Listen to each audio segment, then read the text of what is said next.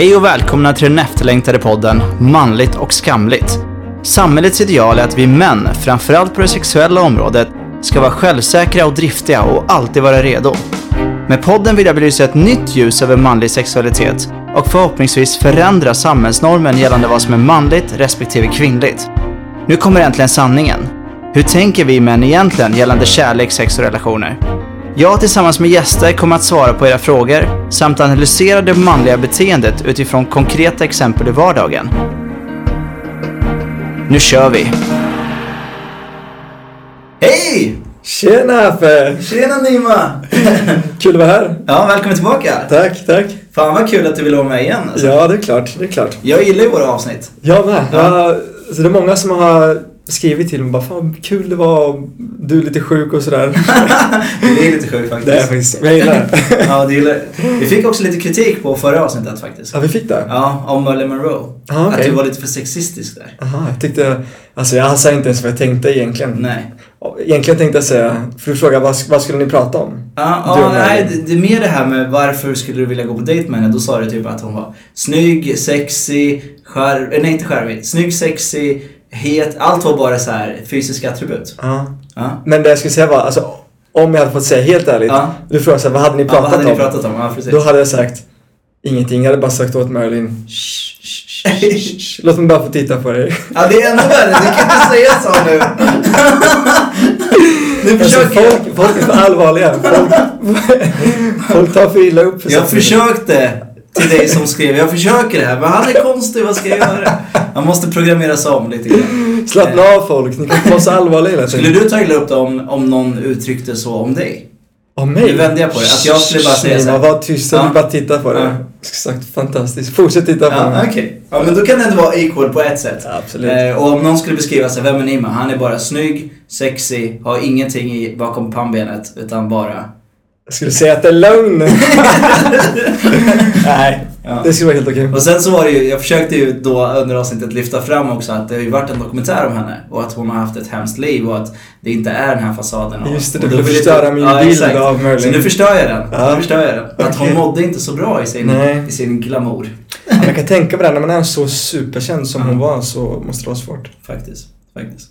Ja, nu har vi rätt ut det i alla fall. Ja, Välkommen tillbaka. Jag gillar i alla fall våra avsnitt. Ja, jag med. Jag med. Jag skulle bara säga husch, låt mig titta på det. Nej, det är sjukt.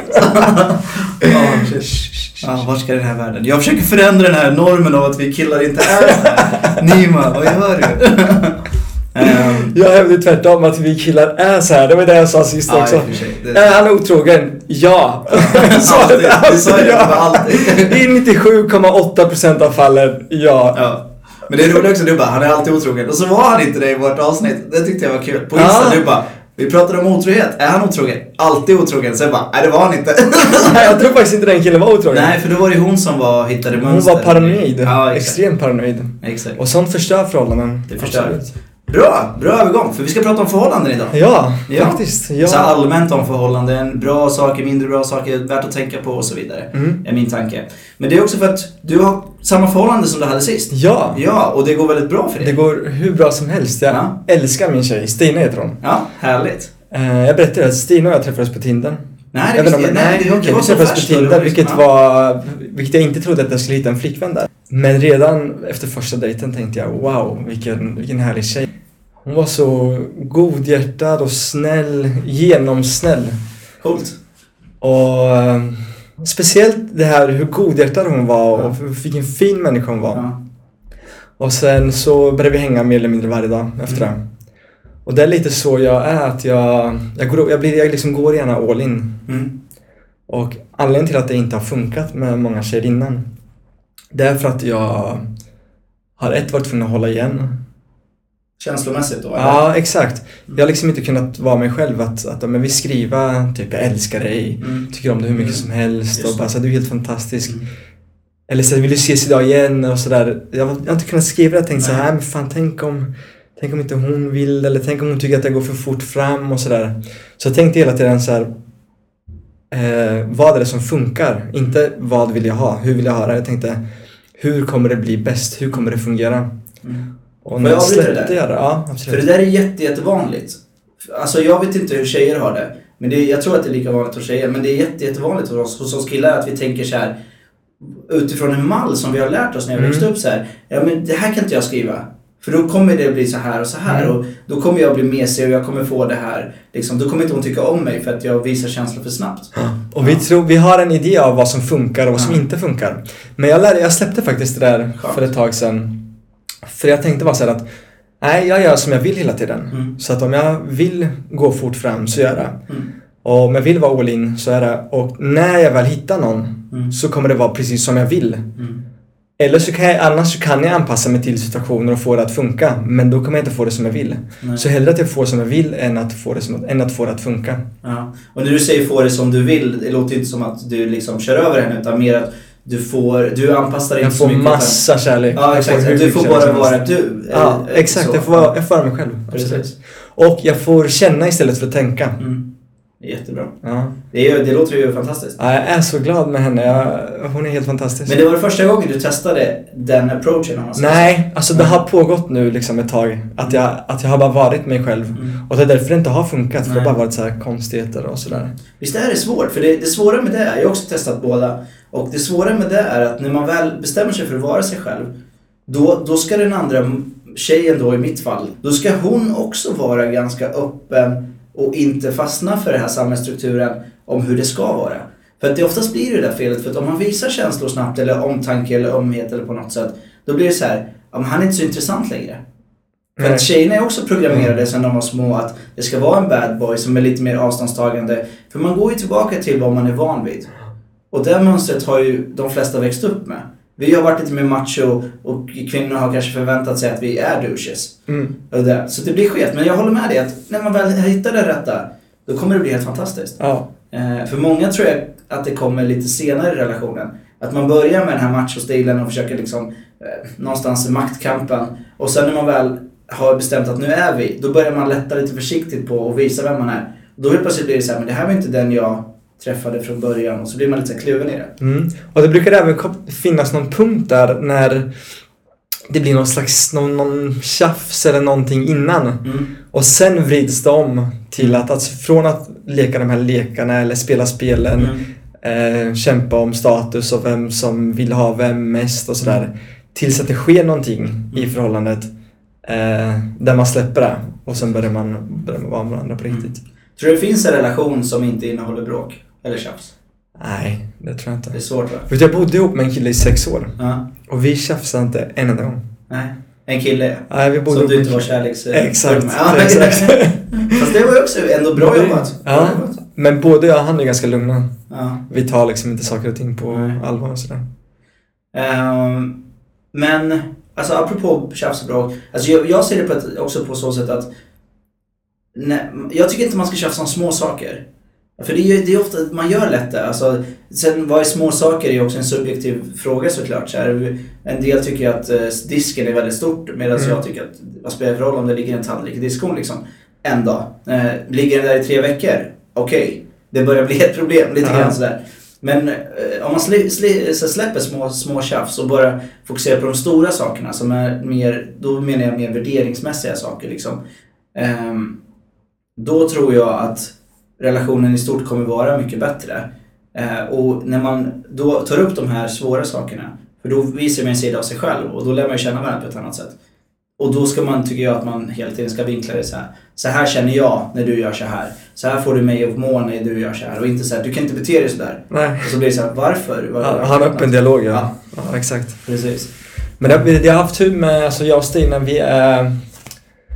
Vi gillar samma saker också. Mm. Och vi är, vi, alltså vi tycker att man ska vara på ett visst sätt mot andra människor. Och Mm. Sådana värderingar har vi tur att... Det är ren tur att, att, hon är lik, att hon är likadan som mig. Det är jättebra. Och hon, jag gillar hennes grejer som hon håller på med, hennes intressen och Mm. hon gillar mina. Hon hjälper mig att skriva bland annat nu. Ja, just det. Och jag hjälper henne, hon är arkitekt så jag hjälper henne liksom med, med att bolla idéer och... Det tror jag också är väldigt, väldigt viktigt. Eh, faktiskt. I relation. Det du beskriver nu. Att man... Det är lite både och. För det är ett att man gör saker tillsammans. Eh, som jag tror är viktigt. Eh, och delar lite samma intresse. Jag tycker inte intressen är... Jag tycker det är lite för... Nu är det bara min åsikt, men lite för högt prioriterat när det kommer till att hitta en partner. Du vet, Du vill bara att hon ska vara snygg. Ja, exakt. Nej, inte-! Nej, men jag menar inte så. Jag menar inte att, för det, oftast är det så här, det klassiska man hör är typ, eh, om inte vi delar samma intressen, då finns det inget att bygga på. Förstår du vad jag menar då? Mm, mm, mm. Men jag säger, jag säger att det, jag vill säga emot den regeln. Utan det är så här, du behöver inte dela samma intressen, men du ska vara nyfiken på din partners intressen. Mm. Då kan det funka ändå. Och med nyfiken menar jag att man lyssnar. Exakt, nej men Ja. det är exakt det du säger. Man ska vara nyfiken. Ja, Det är sant. precis. Och våga prova, liksom. d- Din partners intressen. För tycker man det han håller på med är tråkigt, då kommer då, ah, det kommer bli jobbigt. Exakt. Eh, och, och tycker man att hans, han, det han håller på med är tråkigt så, så är det okej att säga det. Men på något sätt ändå, när han pratar om det eller hon pratar om det, så lyssna. Eller åtminstone låtsas lyssna. Ja, låtsas lyssna. Exakt. Och ställ någon fråga. För, ja, men att man måste dela. Men det blir lättare om man såklart har ett gemensamt intresse. Eller skapar ett gemensamt intresse. Det är nästan ännu värre. Eller bättre menar jag. Ja. ja, just det. Som sagt, vi, vi, vi har till och med... Jag ska också göra en podd. Ja, just det. Ska Precis. göra. Och jag, även där gör vi poddar ihop. Ja, Och vi har egentligen vi har bara gjort ett avsnitt. Ja. Men kan gjorde- man säga att jag inspirerar dig? Det kan man definitivt säga. Yay! Jag blev så sugen att göra den sist när vi gjorde den. Jag tyckte Ja. det var så kul. Det var jätteroligt Och faktiskt. jag gillar ju din, din podd. Tack, tack. Ja. Det är därför du kommer tillbaka Ja, absolut. absolut.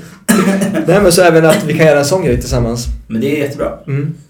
Um, vill du berätta lite om vad podd... Har du någon idé om vad podden kommer handla om? Alltså jag vill, jag vill höra intressanta människors historier. Mm. Eller intressanta människors historier. Jag vill höra människors intressanta historier. Ja, exakt. Och eh, den, ja, det avsnittet vi gjorde var med en tjej som heter Maria. Mm. Och det var så att jag och Stina var, på, eller var i Rom Mm. i somras. Och så går vi på Roms gator och så plötsligt kommer den här tjejen Maria fram och bara Hej Nima!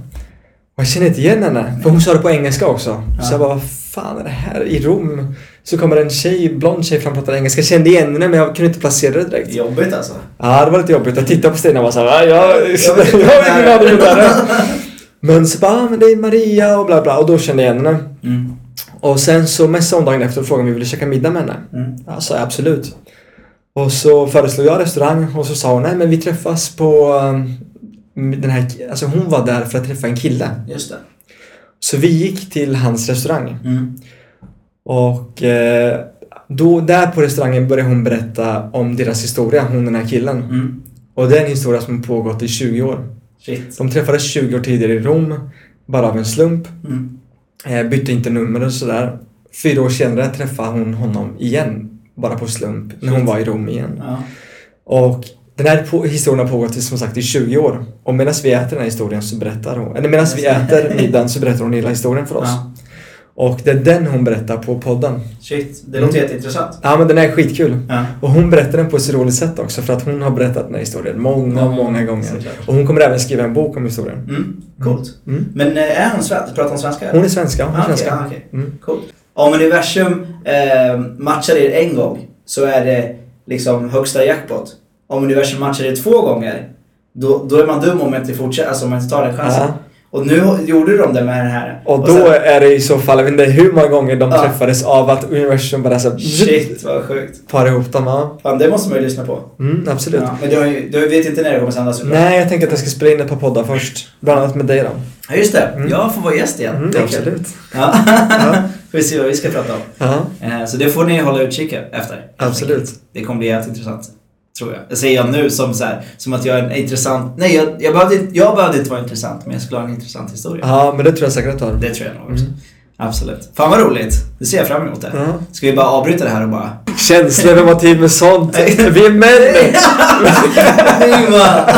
Ja, vi är män med inga känslor. Vi är as. det där menar du inte. Det där menar jag faktiskt inte. Nej, faktiskt inte. Men många av oss är det. Ja. Men- Förutom, inte jag, men många andra. De här 99,7 procenten som jag pratade om tidigare. Jag måste berätta en historia förresten. Ja, gör det. Jag pratade med en väns mamma. Mm. Och så frågade jag så här, hur är det med honom? Det var skitlänge sedan jag såg honom. Ah, han är helt deprimerad. Ja, vad har hänt? Då hade han träffat en tjej Mm. och var hur kär som helst. Alltså älskade henne över allt och var liksom, ja, jag vet inte vad jag ska säga. Han ville gifta sig med henne. Men så hade han varit på jobbet någon dag och eh, någon tjej hade börjat stöta på honom, jag vet inte riktigt vart. Om han hade förfört henne, hon hade förfört honom. Han tar med henne hem till sig och de har sex. Och sen så går hon därifrån. Och sen så kommer hans tjej hem till honom. Och han har mobiltelefonen framme.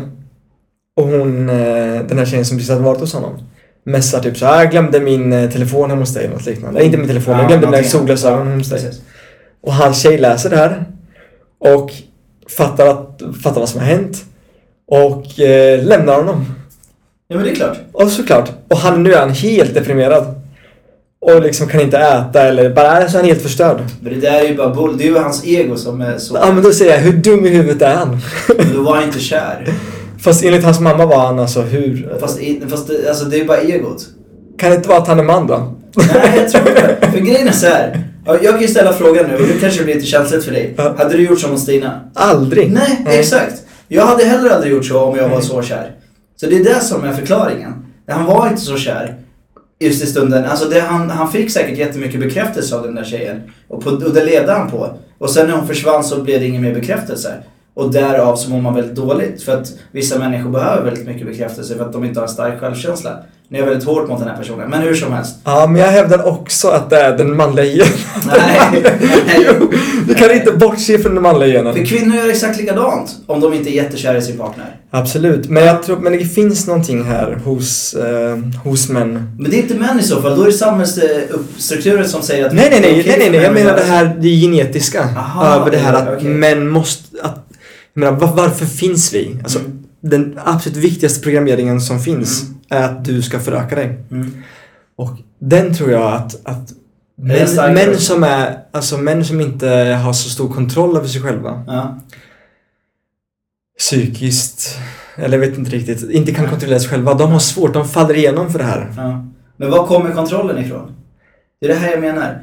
Men för, för då kan jag säga, är inte tjejer lika fruktbara eller på något sätt biologiskt utformade att de ska kunna känna samma lust över... Jo, men där, där kommer samhället in. Ja. Där, där, där är de mer kuvade kanske. Ja. Liksom, att men där varför är de det inte samma sak när det kommer till samhället fast kuvad åt andra hållet? Förstår du vad jag menar då? Ja, ja. Alltså för att, för att på något sätt så, jag tror att det hänger också ihop med att eh, teorin om att vi killar får ju kämpa för att få ragg. Om man säger så. Mm. Det är inget som oftast kommer gratis om man inte är liksom eh, jätte, jättesnygg och bara någon går fram till en på baren. Det händer ju, som jag kan säga från mitt perspektiv, det är ju typ kanske två gånger har en tjej kommit fram och sagt hej, tagit för sig initiativet i någonstans överhuvudtaget. Förstå då, och jag ser ändå rätt okej ut kan jag tycka. Jag tycker du är jättesöt. Tack, söt. Ja, jättesöt. Du är gullig, söt. Gullig och söt. Ja. Men det jag tänker är att det, för oss är ju då även i raggningsvärlden eh, en jakt Mm. på ett byte inom situationstecken. Men vi, vi, vi jagar ju någonting Mm. eh, för att inget kommer gratis. Mm. Eh, Medan tjejer blir jagade Mm. och får ganska mycket gratis. Sen kanske de är mer kräsna och de kan också såklart jaga, jag säger inte att de inte kan göra det. Men generellt ser det ut så. Och då när man får napp, alltså när man får tag i sitt byte, då kanske det är svårt att släppa det. Och där är programmeringen utifrån samhällsstrukturen och därför känner man, ja men nu har jag min chans. Om jag inte tar den här nu och ligger med den här tjejen så kanske inte jag får den här chansen igen. Ja. Ja, och där kan jag köpa att tjejer kanske är mer väluppfostrade än vi män. Eh, eller har blivit det tack vare samhället. Om att liksom, nu, är, nu har jag en kille hemma så jag ska inte göra någonting. Men jag tror ändå att är man kär i någon så gör man inte det. Nej, nej men det är sant. Men, men det är det vi sagt, 99, så är det 99,7 procent. Ja, jag skojar bara. Men det är som sagt den här grejen att mannen är lite mer, eh, vad ska man säga, girig, dum där på något Mm. sätt. Liksom, fattar liksom inte, Mm. blir så tagen bara av det rent sexuella att han... Eh, Ja, det är som du säger, att han inte har, det är förmodligen män som inte har fått så mycket sex där. Nej. Och jag vet inte min vän hur, pass, hur det låg till med honom Nej. innan där. Eller att han bara liksom inte fått så mycket kärlek när han var ung, kan man ju också dra en parallell till. Och han behöver någon form av bekräftelse och det där är ju den alltså, starkaste bekräftelsen du kan få som man.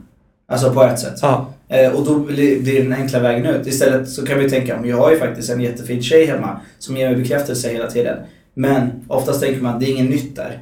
Så nu får jag en, oj nu får jag någon annan som ger bekräftelse och då blir det en gånger hundra. ja. Men är man självsäker och liksom vet vart man står och känner sig själv och kanske har lite erfarenhet så, så vet man att den där, den där bekräftelsen är inte lika mycket värd i, i långa loppet än den man har hemma som är helt fantastisk. Mm. Så det är där, och då tror jag att man är kär på riktigt. Annars tror jag inte att man är kär. Då tror jag bara att det är ett ego.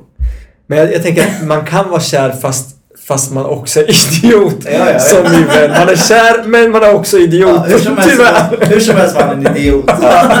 Det kan vi lätt konstatera. Han var en idiot. konstatera. Absolut. Absolut. Det är det här jag gillar med våra konversationer, för det blir bra konversationer. Det är- Ja, ja, ja, Båda är men ganska så här öppna med att det liksom är okej. Sen kommer det vara massa som hatar sen på dig. Inte mig. Jag ska bara... Det är lugnt. Bring it on. Ja, det är kul. Men hur, apropå att få förhållanden och du som har ett jättebra förhållande just nu. Eh, hur visar man uppskattning på bästa sätt då, till sin partner?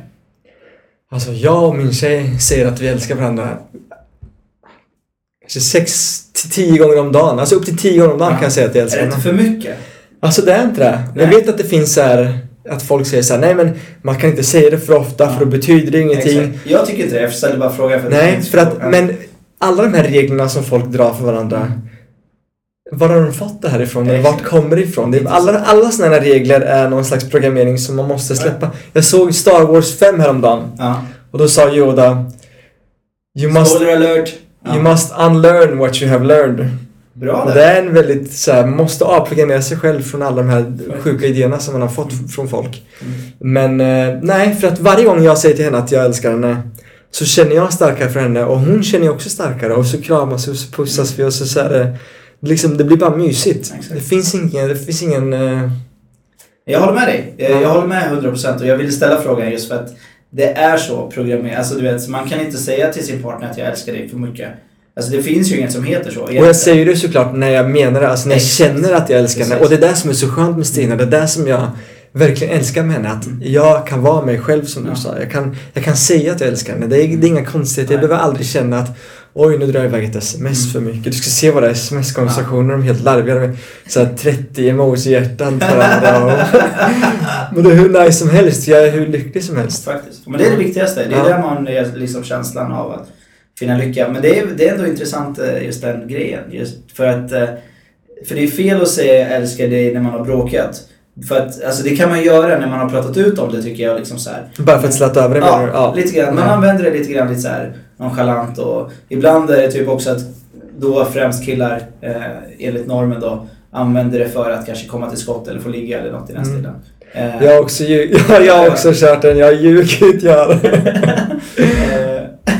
Eh, men, men i slutändan så hur man visar varandra uppskattning, du är inne på rätt spår. Alltså, eh, och någonting man borde tänka på, tycker jag i alla fall ganska mycket, att man inte tar varandra för givet. Alltså, för det är så lätt att bara så här, ja, men vi är ju kära och eh, de kommer alltid finnas där för mig så jag behöver inte engagera mig, jag behöver inte liksom ge de här fina komplimangerna, jag behöver inte liksom göra någonting för att hon finns där. Mm. Men en dag så kommer hon tröttna, eller tvärtom då. Mm. Relationen blir mindre passionerad och det finns inte något där.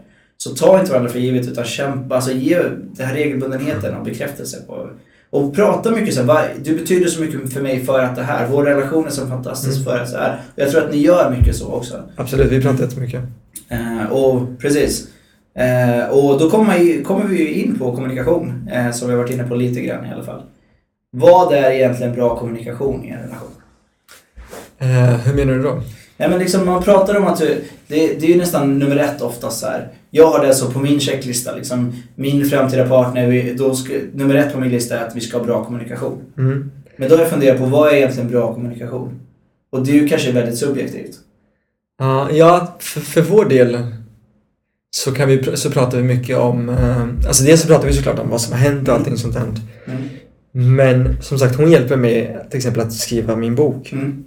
Och vi bollar väldigt mycket om mina karaktärer, om vad som ska hända, varför det ska hända. Mm. Så bara där så blir det ju så mycket... Det är intressant. Ja, det blir, det blir som... Alltså hon blir min bästa vän. Och även hon berättar ju om allting som händer på hennes jobb och sådär. Och jag försöker hjälpa henne och... Ja, den kommunikationen är Mm. Men tror du, hur, hur rak och ärlig ska man vara då? superärlig. Ja. Det finns bara 100% ärlighet. Ja. Alltså annars... Men det är även där mot dig själv också. Och, Mm. och även dina vänner och sådär. precis. Alltid 100% ärlighet, förutom om du försöker ligga. Ljug! Där får du göra vad du vill. Du vet att allt, allt bara, så här, jag ser det här korthuset byggas upp och sen så kommer sista meningen och bara, nej, där rasade huset. För då, för då har allt du sa innan varit bullshit nu. Nej, det jag här sista var du Men, eh, ja precis. Men det är apropå sex också, du är inne på sex, det är väldigt intressant också. Eh, hur viktigt är sex i en relation? Ja, men det är jätteviktigt. Ja, det är jätteviktigt. Absolut. Eh, och kommunikation under sex är ju också, har man hört, väldigt brist. Menar du dirty talk eller? Nej, vi kan prata om dirty talk, men det var inte det jag menade. Okej, vad... Jag menar mer typ så här, det här tycker jag om och jag, vill, jag tycker om när du gör så här, hur vill du ha det? Och du vet, ställa frågor. Ja, Eh, absolut. Nej, men det är viktigt. Och det tror jag många missar för att man har en bild av att man, antingen så tror man att man är jävligt duktig bara. Mm. Eh, och kör på det liksom. Och så ligger hon och fejkar eller tvärtom. Eh, kan vi killar fejka? Ja, Ja, även där. Om du sett Ja. Seinfeld, vi pratade om Seinfeld förut. Ja. När Kramer visar hur man, Ja. hur man fejkar. Ja, jag har gjort det någon gång faktiskt också. Du har det? Ja. Är det sant? Alltså, det- Kom du undan med det? Det sjuka är så här att man fejkar inte utlösningen. Man fejkar känslan. Förstår du vad jag menar då? Mm, Det här, nej. det här är väldigt filosofiskt. Eh, Alltså, men, men alltså, du menar, du, du fejkar inte att du kom? Nej, jag, jag kom. Men någon gång ibland så, är, det är inte alltid jag kommer heller. Så då, då blir det liksom att, då kan man fejka det så. Men det, eh, det är inte det. Men Nej, utan- för där oftast märks du, märks ju med mannen. Ja. För man kan, vara, man kan vara upphetsad. Man kan få utlösning. Jag kan i alla fall få Mm. utlösning. Men det är inte alltid orgasm. Nej. Nej. Och därav så blir det ju fejkande. Mm. Eh, på så sätt. Att typ man låtsas att det är skönt. Och sen så är det inte så skönt och sen så kommer man liksom på ett eller annat sätt. Men eh, det är ju kanske, det låter konstigt men hur som helst. Nej, nej, men ja, absolut, absolut. Eh, och sen efteråt så känns det inte som att det var liksom så. Eh, Men det här med, med liksom att kommunicera, eller att prata om vad den andra gillar och så. mm. Det bästa är ju att, att lyssna. Mm. Och med det här menar jag att lyssna på hennes kropp när ni pratar, Exakt. eller när ni har sex. Mm. Att alltid liksom så här, s- att vara, att vara med på, på hennes reaktioner och vad som händer och vara väldigt, vara väldigt närvarande. Mm. Där har vi. Absolut. Det är den skillnaden från mig tio år sedan och nu idag. Instämmer. Nej men det, men det är det. Och sen just det här att för, det ska vara roligt med sex. Det ska liksom vara lite äventyrligt och fastnar man i samma mönster så bryt det och gör, gör det på en annan plats eller eh, gör det på ett annat sätt. Tänk på någonting mer kreativt tror jag i långa loppet. Det kan vara lite enformigt ibland såklart. Man behöver inte varenda gång bara ah, nu ska jag uppfinna hjulet och nu ska vi liksom hänga på taket och du vet så här. Nej precis, då för att, nej det skulle verkligen döda sexlivet Ja, också. För då precis. skulle det bli så lite sex. Exakt. För hur ofta har man, har man en energi och ork och tid med att exakt. uppfinna hjulet som du Ja, säger. Ja men det, det där, Nej. det hinner man ju inte. Eh, men hur är det med det här, apropå ork och tid och så här. Det här klassiska som syns i TV och film och det snackas så mycket om det här med att ena parten eh, till slut, eller den andra, så orkar inte, jag är trött, eh, jag har ingen lust. Hur ska man tackla det? Nej men fan, är man människa så måste man ju kunna acceptera det. Ja, exakt. Ja men så, det är inte svårare än så. Ja. Faktiskt. Men eh, jag, jag köper, man ska lyssna på sin partner och acceptera det och såklart vara förstående för det. Men om det går typ för lång tid, då måste man börja ta upp det. Ja, absolut. För då absolut. blir det ju ett problem. Liksom. Mm. Har det gått ett halvår och du har varit trött i liksom... Ett halvår? Ja, inte vet jag. Jag trodde vi snackade om två dagar. Hjärtat, jag vet att vi älskar varandra men eh, det var 48 timmar sedan. 48 timmar och 7 minuter. Nej men jag tror att det är viktigt alltså, så att man inte blir så här sur och många upp- upplever jag så här, när man börjar dejta inledningsvis att till, till slut kommer man till den punkten att någon bryter det här mönstret att man ligger varje gång, varje dag, hela Mm. tiden. Liksom så. Eh, och då kan många ta det personligt. För att man kanske inte är säker på vart relationen är. Mm. Eh, och då blir det så här, ja du är inte attraherad av mig längre.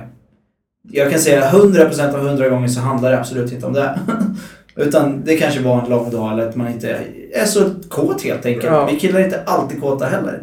Någon gång har man liksom stunder där man inte är så kåt. Ja men det är sant. Nej, jo, jo, Ja. men det är sant. Jag minns det 2011, det var, det var 17 februari 2011, något liknande. Ja.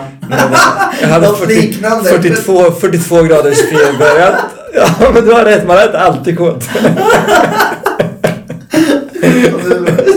ja, det finns tillfälligheter helt Det finns till Nej men det är klart, så är det faktiskt. ja, vad roligt. Eh, då kommer vi också till den stora frågan när det kommer till förhållanden. Tillit. Ja. Det tycker jag i alla fall. Sjukt viktigt. Ja. Eh, hur skapar man bra tillit då? Alltså är det inte så att man har stor tillit redan från start när man börjar tycka om varandra. Mm. Men sen förstör man den tilliten. Mm. Det är lite så kanske, att man Ja. jobbar baklänges. Ja. Ehm, Alltså, jag, jag, jag håller med dig på ett sätt. Eh, för, för jag tror att det är så i vissa relationer. Men jag tror överlag att någonstans så det beror på vad man har i bagaget lite grann. Eh, och med det menar jag att har man blivit sårad och liksom det tilliten har spruckit med otrohet och liknande. Då tror jag det är svårt att lita på en person direkt. mm, Och då får man på något sätt bygga upp den. Eh, och det det jag brukar göra i alla fall är att jag brukar alltid vara så öppen som möjligt. Och så, eh, hur ska man säga, accepterande som möjligt. Liksom. Om hon har killkompisar, det är väl okej liksom. För jag har ju tjejkompisar. mm, Om hon går ut och träffar dem, jag har inga problem med sånt. Jag lägger inte ens, du vet såhär, den här svartsjuka genen måste man bara ta bort. mm, absolut. Eh, och, och bara, jag går in med inställningen att jag litar på dig tills du gör annat som får mig att inte lita på dig. Som Mm. din teori där. Mm, Eh, och du kanske har samma perspektiv där? absolut. Men sen är det ju också, jag skulle inte säga att jag är den svartsjuka typen. Nej.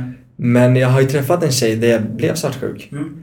Så, alltså vår kemi gjorde att jag blev svartsjuk. Mm. Eller så som jag kände att hennes personlighet var. Ja, exakt. Men det är också det, men det är det här, i början är man ju väldigt så här, eller jag, jag kan inte säga man, jag är väldigt förstående och liksom eh, litar på att du är trogen. Eh, och det är oftast det som är svartsjuka, men att du, du gillar mig och du är med mig för att du vill vara med mig. Mer än så tänker jag inte. Men det, det är när man bryter mönster, som jag brukar säga. Det är Mm. min gyllene regel. När hon börjar bryta mönster och bryter hon det Ah. för många gånger, då blir det en osäkerhet. Och där kommer svartsjukan. Ah, okej. Men hur menar du med bryta mönster? Eller Men till exempel, jag, jag dejtade någon tjej för länge sedan och då var det så här att eh, jag visste att hon tyckte om mig väldigt mycket. Ehm, det visste jag. Eh, och så var det så att alltid när hon skulle ut eller träffa sina kompisar så bjöd hon alltid med mig. Det var så här, men ska du inte med? Ska du inte med? Typ på sms eller vad som helst. Men följ med, det blir kul så här. Och ibland gick jag, ibland gick jag inte liksom så här. Men en gång så var det så här, ah, vad gör du ikväll? Hon bara, eh, jag, ska, jag ska ut och träffa, en, jag ska träffa kompisar så här. Eller jag ska bara ut, jag ska käka typ så här. Jag var okej. Så fick jag inget så här, ska du följa med? Nej. Då, blev, då bröt hon mönster. Ah, Förstår okej. du? Eh, och då blev, det så här, då blev jag lite så osäker. Och då började jag tänka, det finns tre, tre varianter. Ja. Det ena är att hon träffar en annan kille. Ja. Det andra är att hon träffar en kompis som hon inte vill att jag ska träffa. Av någon anledning. Mm. Och då skulle jag gissa att det är en killkompis. Mm. Eh, automatiskt så. Och det tredje är att hon träffar, eller att hon träffar, ja. Och det tredje är att hon träffar en killkompis eh, som tycker om henne väldigt mycket. Och därav så vill hon inte träffa mig. Ja. Ha, ha med mig där liksom. Mm. Mm. Eh, och så börjar jag räkna så här, så att, så att jag blir lite så här, jag är ju väldigt analytisk av mig. Mm. Så bara, jag, bara, nummer ett, nej, jag släpper den tanken. För om hon är med en annan kille så är hon med en annan kille, jag kan inte göra så mycket åt det. Eh, samtidigt som jag vet att hon tycker om mig väldigt mycket. Så den släppte jag. Så var det två liksom, att det är någon som inte hon vill att jag ska träffa. Det hänger ju ihop i och för sig med nummer två är att det är en kille som, är väl, som tycker om henne väldigt mycket. Mm. Och, och sen när hon kom hem, till, för det hon sa sen, men jag kommer till dig sen. Ja. Och då var jag såhär, okej då släpper jag absolut nummer ett. Ja. För den är borta. För var skulle hon komma hem till mig för om hon träffar en annan kille? Exakt. Eh, så. Ehm, och jag gör det lättaste för att jag ska må bra liksom. Eh, I tankarna. Mm. Och så kom hon till, hem till mig så, så här, ja men så myste vi lite så här, så jag bara, ehm, vad, träffar du en killkompis som tycker om dig eller? Och hon tappade hakan vet, hon fattade ingenting. Hon bara, eh, blev helt, hur visste du det? Jag bara, nej men jag kände att det var så liksom så här. Hon bara, ah, och så berättade hon hela historien om att han hade tyckt om henne jättemycket och lalala. Vad snyggt. Snyggt Ja, sagt. eller? Ja, verkligen. Men det är också det, det är det här, när man hamnar i den situationen. Då, då är enklaste vägen att gå till det mest katastrofala. Liksom det som är jobbigast för dig och blir väldigt så här, eh, självskadebeteendeaktigt. Och nu är hon med någon annan, nu ligger hon säkert med honom och la la la. Och du vet, så börjar man så spekulera som många gör. Men jag gör aldrig det, för det är bara så här, det mår inte jag bra av. Så jag vänder på det. Så här, men hon gör nog det som är rätt utifrån situationen. Sen kan vi prata om det sen om det är någonting liksom. Men tänk vad jobbigt om du inte hade kunnat släppa det. Ja, alltså om du var en sån som bara så här fortsätter gnaga. Ja, och- absolut. Men det kanske skulle vara så om jag hade ett annat bagage. Alltså om jag hade blivit, att mina tjejer innan hade varit otrogna hela tiden. Då hade jag kanske reagerat på ett helt annorlunda sätt. Eller att du själv var sån. Ja, eller att jag själv var sån. Ja. Exakt, precis. Ja, precis. Så kan det vara. Helt rätt. Och det tror jag nästan är en ännu starkare förklaring. Ja, absolut. För att då vet man vad killar i kabal, eller vad vi... Nej, men då, då tänker man, jag själv har ju gjort så. Ja. Eller jag själv är ju så liksom. Exakt. Ja, Och då är det samvetet helt plötsligt. ja exakt. Intressant. Ja, men... Och sen har du även en annan teori, Mm. har ju du. När, det är ett det där med att du sa att man ändrar beteende. Mm. Men även när killen kommer med blommor. Ja, exakt. Kommer du ihåg den eller? kommer killen med blommor då ska ni vara jävligt försiktiga. Ja, men, nej, det sa jag faktiskt inte. Nej, det Det, sa det jag sa var att om han aldrig har kommit med blommor innan Ja, och sen helt plötsligt kommer med blommor, ja. då bryter han mönster. Ja då bryter han. Då är det precis, då är det samma igen. Men då sa jag också att det kan vara så, det här är också förra avsnittet som vi pratade, eller för, första avsnittet. Inte första avsnittet av podden, men första gången du gästade. Eh, men då sa jag så här, då bryter han mönster. Eh, och då ska man vara vaksam på att det är någonting. Men det behöver inte vara att han är otrogen. Det kan vara så att han har observerat att du mår extremt dåligt just nu och vill Mm. göra någonting fint. Mm. Därav bryter han mönster. Så det man måste ta reda på vad som är vad också i det. Eh, men bryter man mönster, då är det någonting som inte är som det ska vara. Sen vad det är, det får man fram genom att prata med varandra. Ja. Eh, så var det jag gillar det där. jag gillar inte blommor överhuvudtaget. Jag har aldrig köpt en blomma till någon. Liksom. Ja, du har inte det? Jag tycker inte att blommor är en fin gest alltså. Tycker Inte ens en ros? mainstream. Ja, men det är för mainstream. Jag Ja. köper hellre någonting som du vet så här. jag vet att hon tycker om grodor, inte vet jag. Då försöker jag hitta något i det här temat. Eller hennes favoritfärg är det här, eller hon älskar det här godiset. Jag Lite mer tanke ja, än bara blommor. Ja, det är sant. Det är sant. Jag går med på den. Men det, jag, jag köpte mycket blommor när jag var yngre. Alltså Mm. typ alla hjärtans dag och Ja, sådana grejer. Man föll in i sådana... Ja, exakt. Eh, men det är ju, folk, tjejer förväntar sig också så här på alla hjärtans dag att det ska vara liksom blommor och sånt. Men jag bara, "Nej, jag köper inte blommor. Du, du köper inte samhällsgrejer jag går inte in i den världen med blommor alltså. Ja, men det är helt rätt. Fast om hon skulle säga det, jag älskar blommor och min favorit är, då skulle jag ju köpa såklart. För då är det ju tanken. Ja men vad, vad bra. Det här med egen tid då? Eh, hur viktigt är det i ett förhållande? Jo, men det, det ska man ju ha. Mm. Eh, Men man känner oftast av det också Ja. hos partnern, gör man inte det?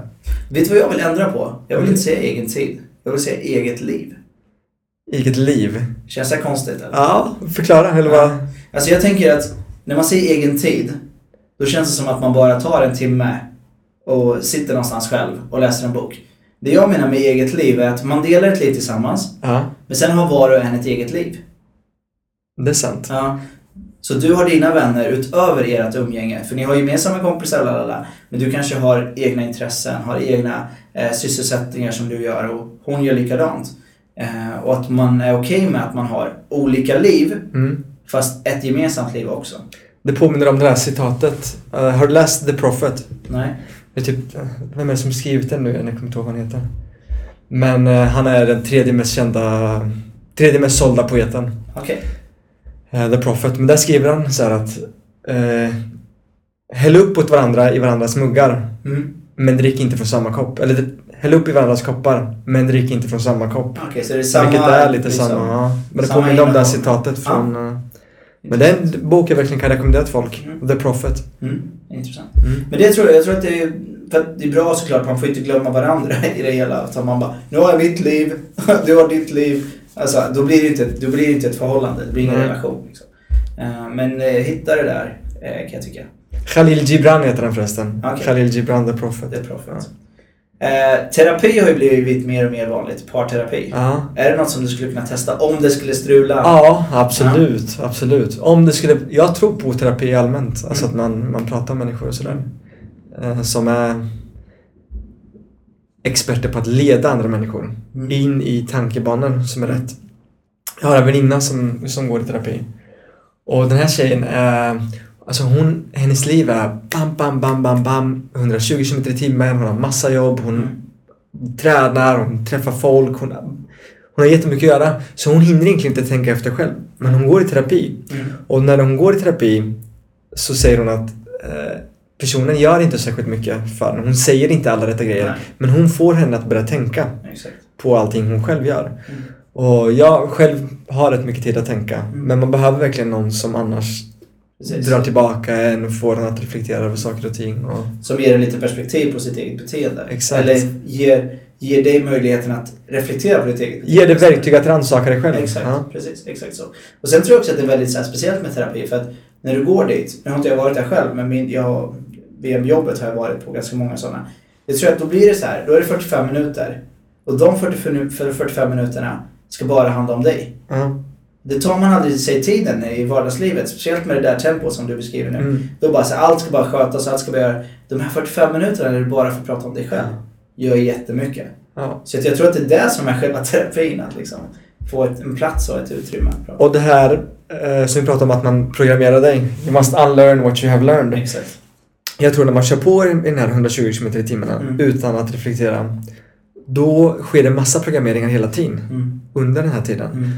Mm. Och då under en terapisession eller när du, när du rannsakar dig själv. Mm. Då hinner du avprogrammera massa av de här grejerna som du fått in. Men Det är sant, absolut. Mm. Finns det någon skillnad mellan vad man önskar sig i ett förhållande i vuxen ålder eller när man är ung eller när man är jättegammal? Absolut, absolut. Jag kan säga från första förhållandet jag hade. Ja. Jag hängde väldigt mycket med folk som pratade om...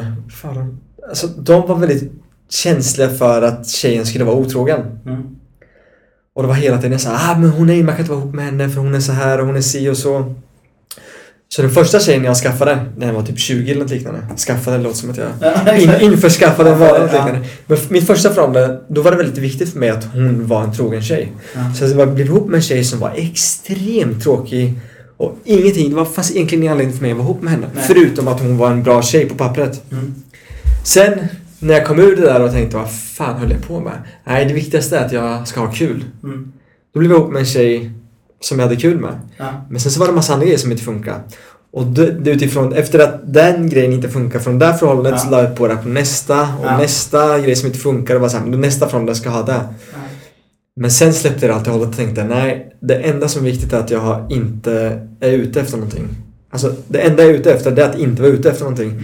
För så fort jag är det så, så kommer jag söka efter vissa egenskaper och så kommer jag missa alla andra egenskaper som finns och sådär.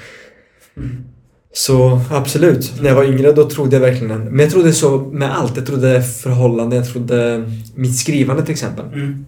När jag började skriva då tänkte jag jag sökte efter, en, ett, jag sökte efter sättet att skriva. Jag tänkte så här, men hur skriver man en bok? Det måste finnas ett visst sätt. Mm. Så jag gick någon, någon kurs, jag lyssnade på folk, jag läste böcker och jag, jag var övertygad om att det fanns en mall som jag kunde gå efter, ett facit. Mm. Men det fanns ingen sån. Och det är just därför skrivandet var så passande så bra också, Mm. just för att det inte fanns. Och även livet, jag trodde alltid att det fanns, att man skulle leva det på ett visst sätt. Och nu så efteråt, efter ett tag så fattade jag att nej men fan, jag måste släppa allt det där. Mm. Ja, intressant. Och det är svårt att släppa allt det där, det är den här avprogrammeringen som vi snackar om. Ja, exakt. Man tror alltid att det finns Mm. Om man söker, för att det är mycket enklare att söka efter något. Exakt. Eh, vad ställer vi för krav på våra framtida partner? Och vad ställer vi för krav på oss själva i, en, i ett förhållande? Det är nästan mer intressant. Fråga nummer två tycker jag. Ja, Som har skrivit den själv. Nej, jag skriver bara... ja du har skrivit mig själv? Nej. Ja, ja, det är klart. Ja, du har det? Nej, men jag trodde det var folk som... eh, Ja, nej, För nej, det brukar ju var. Ja, jag vet. Det, det dog ut det där. Eh, Det var inga som skickade frågor eller? Ja, lite sådär. Men samtidigt så kände jag att det, det är roligare att bara snacka. Ja, Eh, Så det blir mer att man har ett tema och sen så pratar man mer om det som grabbsnack liksom. Ja, just det. Eh, tycker jag. Sen, men skicka gärna in fler frågor för då kan man ta upp dem ändå i, i Få inspiration av frågorna, absolut. Precis. Och jag kan ta upp dem framöver om det är en jättebra fråga eller någon Ja. är liksom så här. som Jag känner. Men jag tänkte mer att det här blir mer- mer avslappnat och det blir lite mer så här. Ja. chill. ja, men vad, vad har man för krav på sig själv? Alltså, jag vet inte. Det enda, det man är ute efter, det man vill, det är att man ska vara så lycklig som möjligt. Och Mm. I det här, i mitt fall nu, så vet jag att när Stina är lycklig så är jag lycklig. Ja. Så därif- därifrån att, att bara göra henne, bara att få henne att må bra så Ja. kommer jag också må bra. Ja. Det kommer Lasse ut efter det. Åh, vad fint. Åh. vad gulligt. Åh, nu, han som var arg, hon som var arg innan där, bara den där jäveln. som bara var ute efter Marilyn Monroes kropp. Det kanske finns något där ändå. Det finns det inte, jag bara bluffar. Du försöker bara rätta till det där. Ja, exakt. Ja, nej men det... Nej men så jag, jag vet inte, jag har faktiskt inga krav på mig själv. Nej. Bara, Bara och inte på, nej. Ja, precis. Men det var ju fina. Det var ändå så här, krav är kanske hårt men du vill vara lycklig och du vill göra din flickvän lycklig Mm. helt enkelt. Eh, parnormen då, som finns i samhället. Eh, är det okej att vara singel i ett, i ett av världens mest singeltäta stad? Här? Ja men alltså. Jag har sagt till mina vänner som bor eh, lite här och var. Jag har sagt ni måste komma till Stockholm. Ja. För att, alltså, singellivet här är ju sjukt kul. Och det är ju alla, så många som jag pratar med, många av mina singelvänner. Det finns nästan ingenstans i världen där jag hör folk ha lika mycket sex Ja. som här i Stockholm. Men är det okej att vara singel? Ja. Alltså utifrån eh, liksom samhällssynen på det. Ja, det är klart. Ja. Eller jag vet inte, är det inte det? Jo, lite, jo det, jag tycker också att det är okej Ja. att vara det. Men det är ändå den här hetsen fortfarande om att Liksom, när ska du träffa? Är det inte Men det är den jag inte känner finns här. Tycker du inte? Nej, jag tycker inte, jag känner inte det. Jag har aldrig känt det i Stockholm. Nej, det kanske inte är lika stort här, det är sant. Men, men om du åker till Italien eller om du åker till så mycket tjat där på Direkt dem. eller? Ja. Absolut. Fast är det inte så, de dejtar väl inte? Eller de dejtar fast inte på så sätt som vi dejtar. Nej, Vi är väl exakt. snabbare på att liksom kategorisera ett förhållande. Eller? Mm. I USA är det i alla fall så, för jag vet att där kan man dejta ett halvår utan att sätta en stämpel på att man dejtar.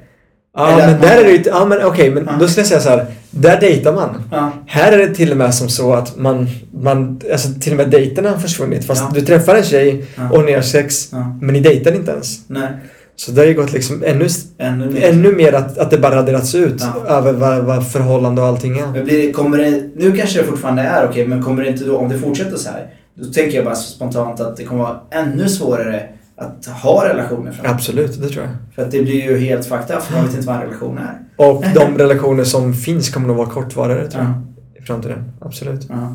Men det tror jag också.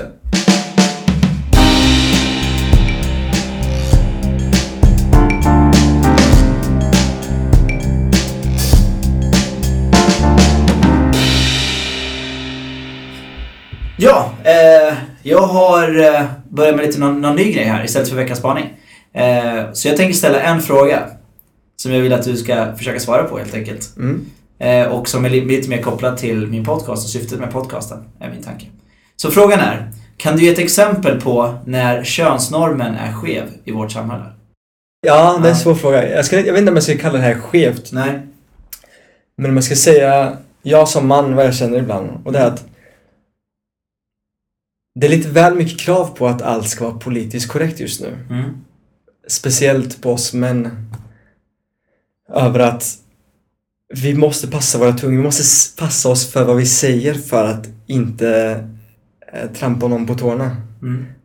Och folk är lite för easily offended, tycker jag. Framförallt. Eh, ja, en typ av, en typ av kvinnor. En typ Ja. av kvinnor. För det är, man ska kalla det en typ. Mm. Men det finns vissa kvinnor som hugger på mannen direkt nästan Ja. vad som än händer. Jag kan ta ett exempel. Jag pratade i telefon häromdagen. Ja. Och sen så sa jag så här, ja men eh, jag skulle bokstäva mitt namn. Så var så här, ja en Niklas, Ingvar, Martin, Adam. Mm. Och så sa tjejen bredvid mig, varför säger du så för? Varför kan du inte säga Nina, Ida, Martina? Och jag var så här, vad fan, kom igen nu. Alltså spelar det någon roll? Ja. Jag, okej, jag kanske är programmerad så. Mm. Men låt mig bara få, låt mig bara få göra det här som är enklast. Mm. Eller, men det här var inte kanske så mycket som, alltså det här drabbar inte humorn så mycket. Nej. Men till exempel, någon parkerar dåligt. Jag kan se att parkeringen tar sjukt lång tid. Han har, personen har hur mycket plats som helst Mm. men det tar väldigt, väldigt lång tid att parkera. Ja. Och sen går jag bredvid min kompis och säger, alltså garanterat att det där är en kvinna. Ja. Och det är inte så, jag menar inte att Alltså det är ett skämt för att jag vet om att min kompis tycker att det där är kul. Mm. Han skrattar. Så jag tar fram en känsla hos honom, ett skratt. Och visst, jag gör det lite på att på bekostnad av att ryktet av att kvinnor har Exakt. kör sämre. ja, precis. Jag, jag kör på den fördomen, jag skojar om den fördomen. Men det är en viss grupp av kvinnor som reagerar väldigt, väldigt hårt på det där. Det finns även män, men alltså det finns en grupp människor som reagerar alldeles för starkt för det här. Alltså de, de, de tar livet på alldeles för stort allvar. Mm. Men, men det, det är ju intressant. Alltså, jag kan känna igen mig till viss del just i det här med att eh, framförallt på sociala medier och liknande kan jag tycka, också i vardagslivet, att man kanske är väldigt känslig just nu för att det börjar bli en debatt om det. Liksom att man blir liksom mer så här. Fast så där kan du inte säga och så där kan du inte säga. Och min fråga då blir, tror jag, tror jag att ett sånt skämt till exempel, där du egentligen bara gör, drar samma skämt som man har gjort i åratal utan att det har varit ett problem. Idag är det ett problem. Kan det vara för att man idag tänker att det kanske eh, kryddar på liksom, de här fördomarna mer? Och att man då nämner kvinnan i en lite sämre position, liksom att hon är lite sämre än mannen och så vidare. För det, för det gör ju det på indirekt. Du kanske inte menar det så Mm. när du säger det. Att det bidrar lite? Ja, men det kan det absolut göra. Mm. Och jag, jag kan säga också så här att jag, jag, jag gör ju samma skämt om män. Till Ja. exempel. Nej men, låt inte honom göra det där. Han, du ser ju att han redan pratar i telefon. Han kan inte Ja. göra två saker samtidigt. Ja men exakt, det finns båda världarna, Ja. exakt. Men saken är, skillnaden är att det blir aldrig någonting med män. Alltså Nej. det är aldrig någon som reagerar på det. Nej, Men du kan inte göra samma sak med, du kan inte dra samma skämt med en kvinna. nej. För då, då, får, då är det alltid den här gruppen som alltid ska hetsa och komma efter det. Mm. Ja men det är intressant för det, det är ju, det, där också har ju funnits i, i alla tider det här med att män inte kan göra två saker samtidigt. Det kan vi ju. Eh, vissa av oss. Inte alla såklart men eh, kanske överlägset så att det finns en sanning i det. Eh, på båda hållen att kanske kvinnor är sämre bilförare och män är sämre på att göra två saker samtidigt. Men vi spelade faktiskt in ett avsnitt där det visade sig att vi män är bättre på att göra två saker samtidigt utifrån en veckans spaning som jag hittade då. Hur som helst, jag tror att eh, det är inte så det är rätt harmlöst i stunden tror jag. Men att det blir konsekvenser av det sen. För att din kompis som, som står bredvid dig när du säger en sån sak kanske är värdelös på att parkera. Eh, och då får han så här mindrevärdeskomplex för att han som man då förväntas vara väldigt duktig på att parkera. Det, men även att han börjar tro att kvinnor faktiskt kör sämre. Ja, exakt. Det, det, är, ju, det är ju risken. Båda och ja, precis. Men ska, man, ska det behöva vara så allvarligt att, att man inte ens får skämta Nej. om en sån sak? Nej. Ja men jag håller med dig. Man, man, vissa saker kan man Det har kanske- blivit lite för seriöst. Ja. Och då menar jag inte bara skämt om eh, att kvinnor kör sämre bil och sådär. Men även, ja men han är italienare. Mm. Det är klart att han raggar på henne liksom. Mm. Eller Ja, liksom sådana såna Det blir saker. kulturellt och det blir religiöst och det blir liksom... Men jag tycker att man ska få, få skoja om det mesta. Ja. Men det, för, för ett praktexempel i stand-up comedy. Alltså egentligen så finns det ju in, inte många som ställer sig på scenen och skämtar som inte är på någon annans bekostnad. Lite grann. Och varför är det accepterat? Jo, för att de har det som yrkesroll. Helt plötsligt. Och då, de får betalt för att de snackar skit om alla. Alla religioner, alla kulturer och sig själva. Och, men det kanske är det, att man säger någonting illa om sig själv ofta som stand-up-komiker. Och då neutraliserar man den här, den här jargongen. Mm. Så att om vi skulle gå och säga så här, ja men hon, kolla det där måste vara en kvinnlig förare som parkerar för det är ju fruktansvärt. Men du ska se mig cykla, jag är sämst på att cykla. Mm. Då kanske det blir så här. Men, Ja. ja, min, Alltså, min favorit exempel. standup-komiker Ja. är Louis CK. Ja, Och han förlöjligar ju allt och alla ja. Nej, det är svårt, men, men det, det finns ju någonting i det. det. Det finns ju en sanning i att det blir, det är lite hårdare mot män när det kommer till att man måste vara lite mer politiskt korrekt. Just för att, men det kanske är så att vi är ju problemet till den här samhällsstrukturen. Om man kollar historiskt så är det vi som har skapat den här strukturen. Och därför så, så är ju kvinnorna en utsatt grupp i, den här, i det här samhället eh, och samhällsstrukturen. Och därav så kanske det blir då att vi som redan är högre positionerade eh, i kedjan bara av att vara man, då måste på något sätt tänka oss för. Och jag tror att, jag tror att det inte, det är som sagt det är rätt harmlöst i stunden, men jag tror att det har en effekt och en påverkan på hur, att fortsätta med de här normerna på att kvinnor är på ett specifikt sätt och män är på ett specifikt sätt. Mm, mm. Även i sociala medier. Och det är det jag försöker bryta lite med den här podden Ja, också. mm. Eh, Jag försöker tänka nu på om det, säg att det är några svenskar som går ja. på, på gatan. Mm. Och sen så säger de eh, någonting om, något skämt om invandrare. Mm. Jag hade såklart inte brytt mig. Hade Nej. jag inte gjort. Men jag tänker, försöker tänka på, hade det påverkat? Mm. Liksom så att den andras inställning som han hade skämtat till om invandrare, gör det, gör det, gör det sämre för oss invandrare? Det tror jag. Absolut. Ja. Eller tvärtom, att du inte säger någonting i stunden för, för att du är lite mer avslappnad med det. Eller vi kanske är vana med att höra det hela Mm. tiden. Precis som tjejer är vana med att höra liksom nedvärderade ord, inte vet jag. Mm. Men då blir man liksom så här, "Ja, men det där har jag ju hela tiden har hört hela mitt liv så det spelar ingen roll. Mm. Men om man istället tar ställning och säger ifrån, då kanske någon av de där två får en väckarklocka. Bara, Oj, så där kan jag faktiskt inte säga. Och så säger man inte det nästa gång. Och då kanske det blir, de blir bättre människor. Mm. Eh, som en kille jag träffade ute sa att han kallar sin bästa killkomp eller sin bästa tjejkompis för att de hade en sån jargong för hora. Och då sa jag direkt ifrån, så där kan du inte säga. Ja. Och du vet, eh, och då, du kan inte kalla henne för det. Och det är ännu värre att hon är din bästa kompis. Han bara, vi har den jargongen liksom. Så. Ja. Och då, då kunde jag bara så här, ja men de kanske har det. Det är lugnt, de kanske har det. Du vet. Och, det, och då, då ska jag bara så här, ja men, spela. men nu satte jag dit han, att jag sa exakt vad jag tyckte. Att Ja. jag, jag tycker att det är för Sluta upp med det. Jag tror, jag tror att han fick dåligt samvete. Ja. Och jag tror, helt ärligt tror jag att han inte menade illa. Jag tror faktiskt inte att hans vilja var illa menat. Utan Nej. det var en jargong som han har lärt sig med sina polare att det funkar. Ja. Eh, och trodde att det skulle funka på mig. Men jag var motsatsen då och bara så här, det där kan inte du säga. Nej men det var extremt ocharmigt. Ja, Ja, så blev det lite så här. Men jag tänker att det var ju lite hårdare såklart, det är ett tydligare exempel. Men ett skämt kan ju vara så också. Mm. Typ om tjejer är väl mer lös, eller killar är mer, eller tjejer är mer lösaktiga än killar. Alltså du vet, så skämtar man i killgruppen. Då tror ju någon att det är så. Och, och fattar inte ironi eller sarkasm så Mm. blir det ett problem helt plötsligt. Mm. Så jag tror man ska vara försiktig. Man ska tänka sig för vad man säger eh, när det kommer till religion eller kön eller vad nu än är. Och kanske försöka skämta utan att förnedra någon, inte vet jag. Går Ja. det ens överhuvudtaget? Går det att skoja utan att det ska vara på någon annans bekostnad? Ja, men lite det så. kanske är frågan. Ja, det kanske Men, om, nej, men som, som om vi går tillbaka till din Ja. fråga. Mm. Så kände jag då, alltså jag kan känna ibland som man att det går lite för långt i vad man får och inte får säga. Mm, absolut. Och det är ju det precis, den känslan känner man ju igen sig i ibland, absolut. Mm. Eh, bra. Nej, men det, jag tycker att det är väldigt aktuellt, det du tar upp. Jag tror att det är många som känner igen sig. Både män och kvinnor, fast på, från olika hållen kanske. Jag har, jag har många fiender efter idag. Först Marilyn Monroe-skämtet Ja, jag henne. Ja, exakt.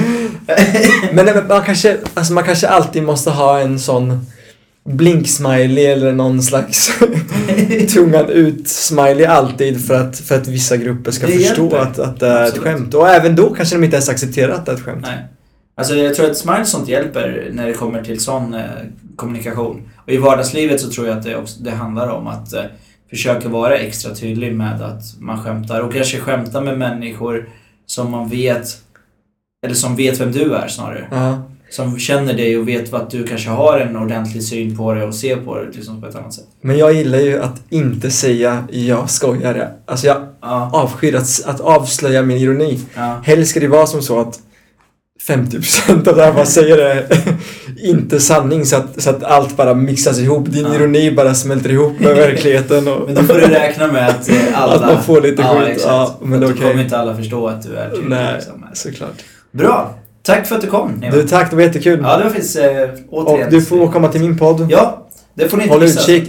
Du har precis lyssnat på Manligt och skamligt, en podcast av mig, Afram Gabro och stort tack till Jonathan som hjälpt mig med ljud och redigering. Om ni gillar det ni hör, skriv gärna en recension och klicka på knappen prenumerera. Följ mig på sociala medier, Facebook, Twitter och Instagram, att manligt och skamligt, där ni får ta del av mina tankar och reflektioner kring kärlek, sex och relationer, mina framtida projekt och mycket annat.